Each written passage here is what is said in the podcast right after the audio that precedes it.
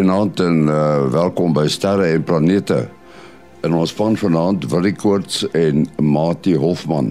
Ons gaan onder andere praat oor die mislukte lanseerpoging van die Starship.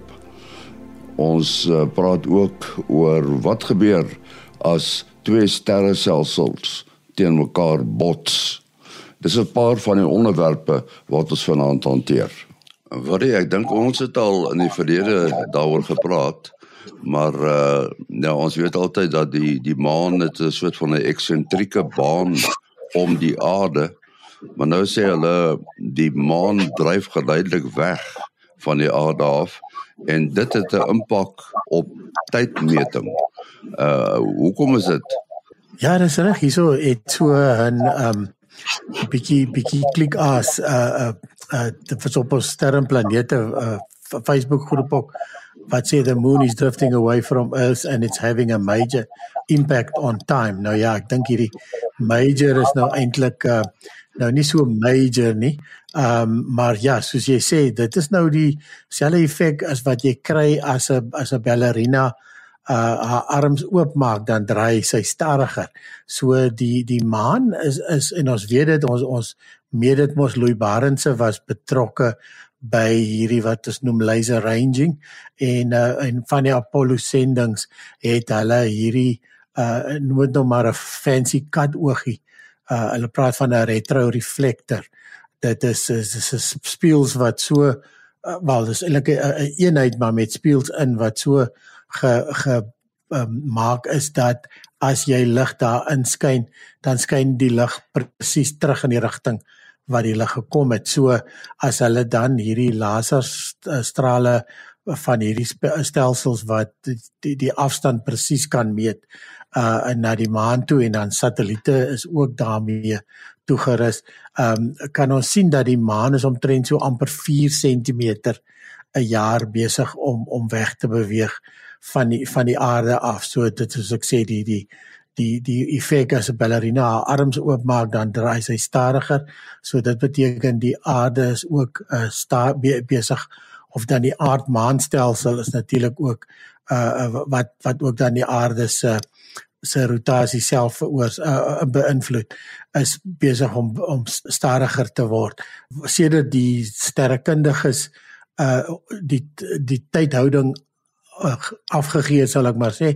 So vroeër vroeër jare uh sodra jy 'n sterrewag het het jy akkurate tyd gehad want die sterrekundiges kyk na die sterre kyk op of hulle op 'n spesifieke plek op 'n spesifieke tyd is.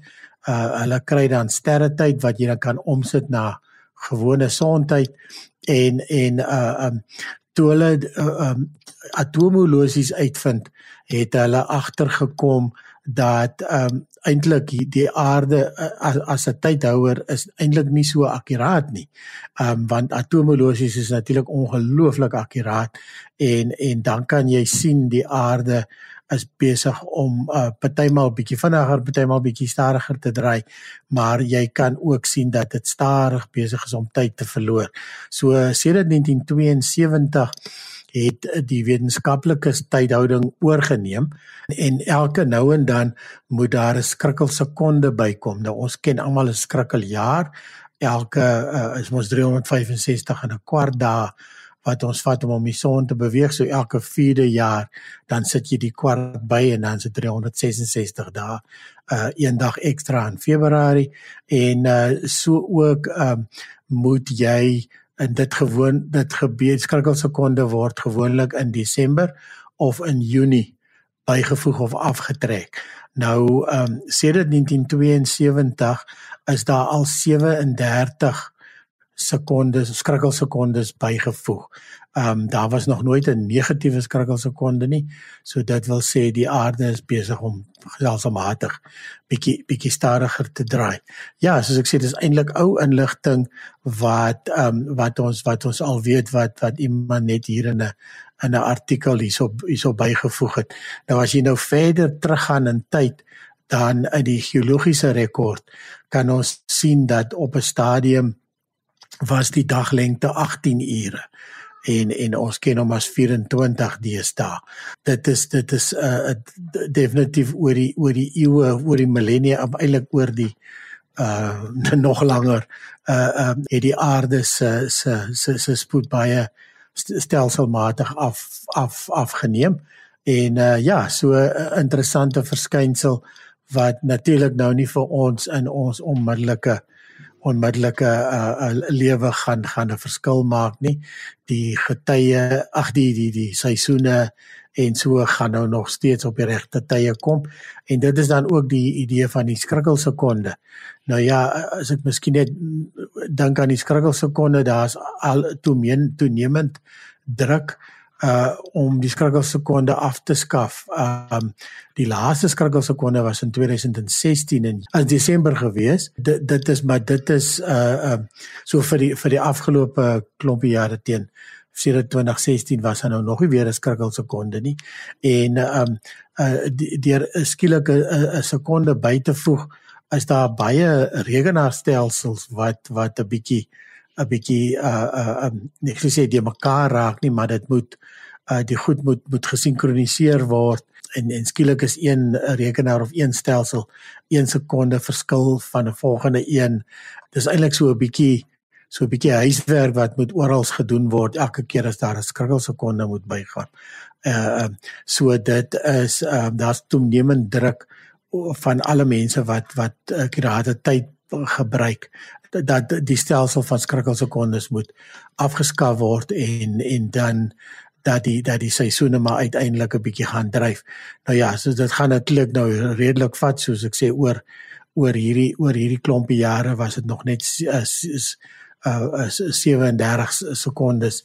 Uh ek skiet nog eintlik 27 ek het nou gesê 37 ek, ek kyk nou hierso uh op die oomblik is die verskil 37 millisekondes. Uh so ons is nog binne die venster maar 27 sekondes wat bygevoeg is sedert 1972. So ons moet nie bekommerd wees oor sulke klein goedjies nie. dis dis korrek. Dis korrek, maar soos ek sê, as 'n mens nou wil hare kloof en jy wil jy wil seker maak jy uh, daar in in Frankryk is daar uh, nou hulle het nou 'n Franse naam wat ek nou nie sou kan uitspreek nie, maar dit staan vir die, die International Earth Rotation Service. So jy kan nie glo daar is 'n daar is 'n diens wat kyk dat die aarde nog nog mooi roteer. Nou, ons weet almal dat Europa een van uh, Jupiter se maane is en dat dit 'n ysmaan is met 'n uh, met 'n kern en ek dink uh, Japie van Sail het daar gepraat oor uh, hoe hulle deur die ys wil boor om die kern uit te kom. Maar wat baie interessant is, hulle het nou vasgestel dat die ys uh van Europa uh die roteer teen uh ander snelheid as uh die binnekant van die die maan. En uh, ek wonder hoekom is dit uh, Mati? Uh, nee ja ek is nie heeltemal seker of hulle dit deur uh uh um meting self reeds kon uh, afdoende aantoon nie maar die modellering wat hulle veilig op die aarde doen uh, die bietjie waarnemings wat van buite af van die ys gemaak is uh, gee baie sterk uh, suggesties uh, dat dit inderdaad die geval is. Wel in die eerste uh, plek kon hulle duidelik sien deur die uh, Juno sending wat naby genoeg aan uh, Europa gekom het en vorige uh, sendings daar rondom Jupiter. Uh, maar nie een van hulle het nou net om Europa ge gewentel nie, dit het nou maar by geleentheid naby genoeg gekom om goeie uh, fotos te neem.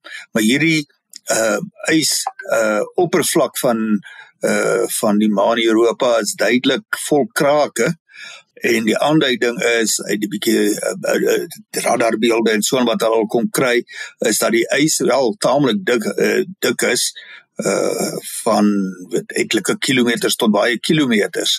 Mm, en uh, die uiteindelik is die droom en daaroor het Japie destyds met ons gepraat om met die so die beplande klipper sending uh, te kan gaan lande en dan nou klein robotiese uh toerusting te hê wat in die ys in kan boor en met 'n uh, vir 'n kabelverbinding steeds kan kommunikeer met die uh, landingstuig en dan uiteindelik kan sien wat daar in die uh, vloeibare oseane wat aan die binnekant is. Dit is uh, waarskynlik uh, baie souterige oseane.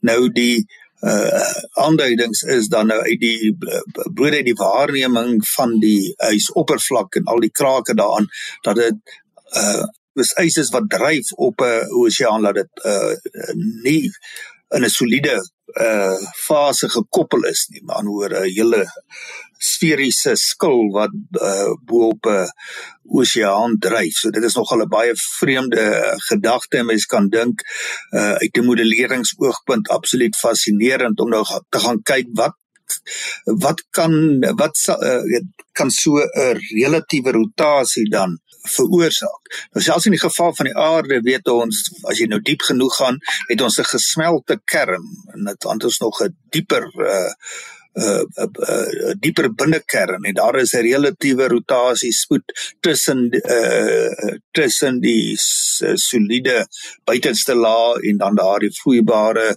binneste uh laag met die uh lava gesmelte eintlik betaalagtige uh binnekante. Ehm um, en maar dan uh, in hierdie relatiewe spoed in die geval van die aarde rotasiespoed uh, verander dan ook. Partykeer uh, lyk dit of die die die heel binne uh, kern 'n bietjie vinniger as die aarde rotering dan weer net andersom en dit op sigself is bietjie van 'n raaisel. Maar nou as mens nou bietjie dink oor die meganisme, uh dan het die ouens aanvanklik gespekuleer dat dit nou maar gaan oor die uh, uh werking van Jupiter se baie sterk aantrekkingskrag en die verskil daarvan op die uh die buiteste uh, kant en die binnekant. Is mos nou maar 'n bietjie van 'n verskil van afstand en dit sou kon dan 'n 'n moontlike relatiewe rotasiespoed veroorsaak. Uh maar nou is daar ouens wat met uh, uh, baie interessante modellering kon aantoon dat bloot temperatuurgradiënte wat binne in die oseane uh onder die oppervlak uh veroorsaak kan word kan natuurlik lei tot konveksie uh strome wat uh aanvanklik vertikaal, met ander woorde radiaal uitwaarts loodreg op die oppervlak beweeg, maar weens die rotasie kan daar dan uiteindelik 'n uh, uh, oseaanstroming wees wat ook 'n horisontale komponent het. Ehm uh, beide teenoorgestel aan die rotasie uh rigting of in dieselfde rigting as die rotasie rigting. En dan natuurlik as daar dan nou stroming is addisioneel met wat 'n relatiewe beweging tussen die uh oseaanoppervlak en die binnekant van die ys uh die ysskil is dan kan dit uh sal dit 'n sleer effek hê uh wat uh, dan kan 'n relatiewe spoed veroorsaak en uh die uh kom sê die die die, die wrywing tussen die vloeibare deel en die en die uh ysskors sal ook afhang uh, wel uh, bepaal word deur hoe hoe grof daardie tussenvlak is en krake wat daar kan wees en so aan. So dit is uh, vir my nogal 'n fascinerende stelsel. Ehm um, en ek dink ons kan uitsien na uh die die die werklike van naby af waarnemings as hulle nou kon gaan land daarso en dan nou met radar uh en dan ook hierdie moontlike uh, robotiese probe as ons dit so kan noem wat gaan in indring uh ek dink die tegniese aspekte daarvan is nogal dink ek baie moeilik om uit te werk maar dit klink baie positief dat die konsep hoort te kan werk. Wat jy ons wil so 'n bietjie praat oor ja, ek wil sê 'n Japie van Sail se baba Ingenuity.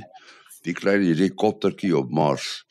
En dit lyk my soos baie projekte uh doen hierdie helikopter eintlik ongelooflik goed uh gegee die omstandighede nê Ja, regtig, soos baie van die goed wat uit JPL se stal kom en ons het nou al baie gepraat oor die Marskarretjies.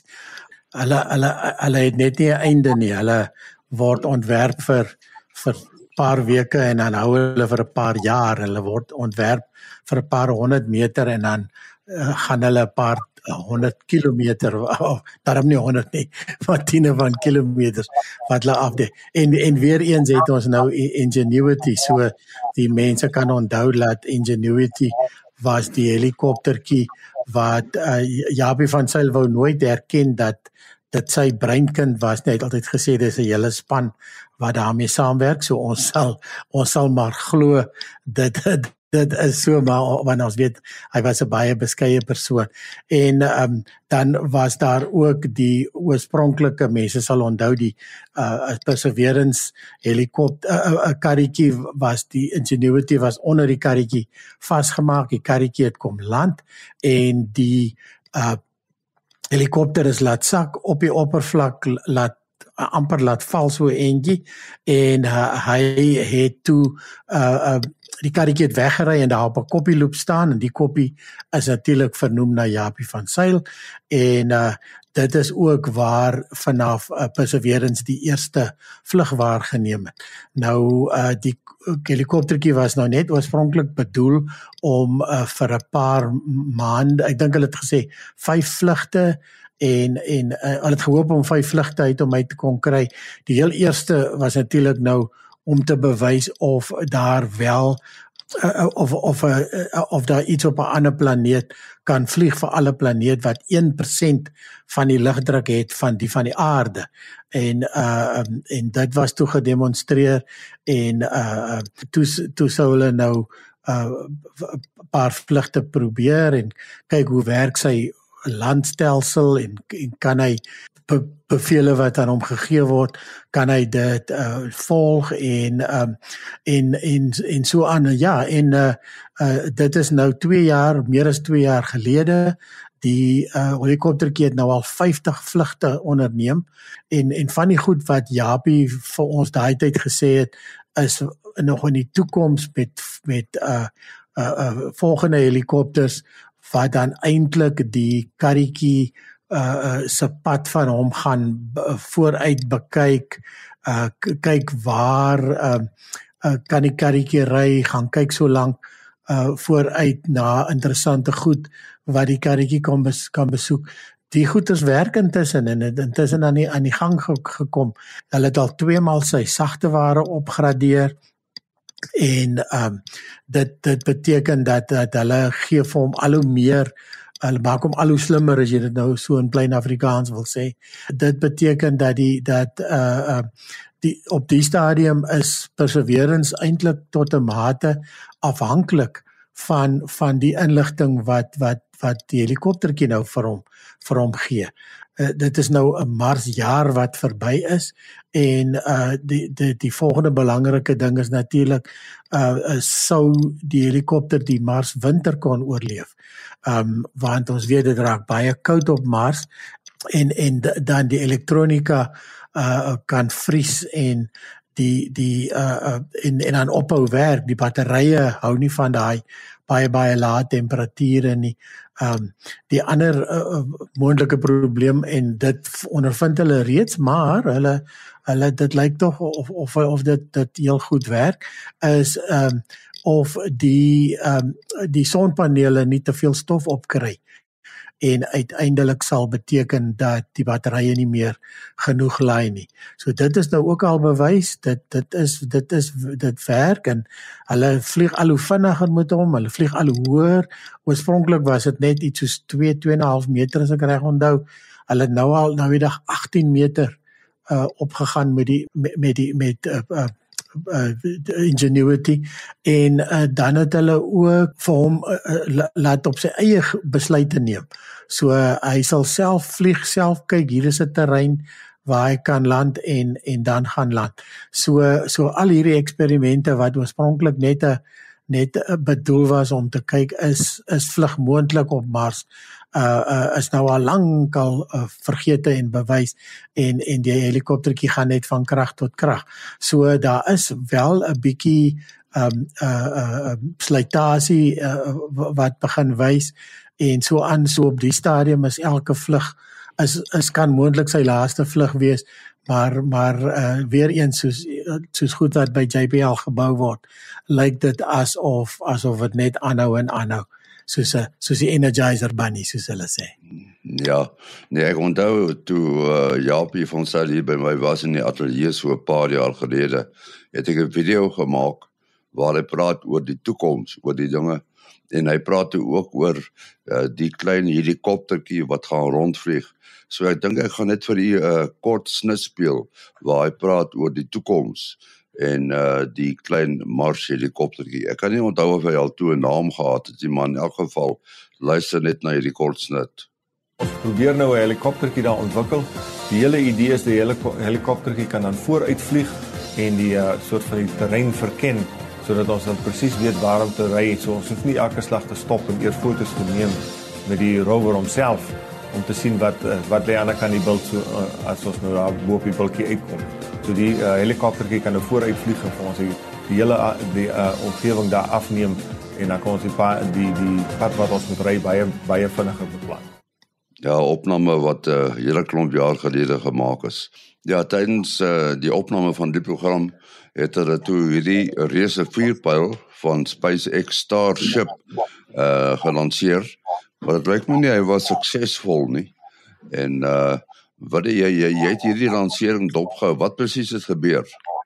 Ja, dis korrek. Uh vroeër in die week was daar 'n uh 'n probeerslag gewees en uh toe uh eintlik het hulle die die die die aftelling laat aangaan tot by uh, -40 of 40 sekondes van uh van van uh, lansering af en en maar daar was 'n fout wat al eintlik vroeër geïdentifiseer het. So dit was eintlik net 'n net 'n net 'n oefening kan jy maar amper sê.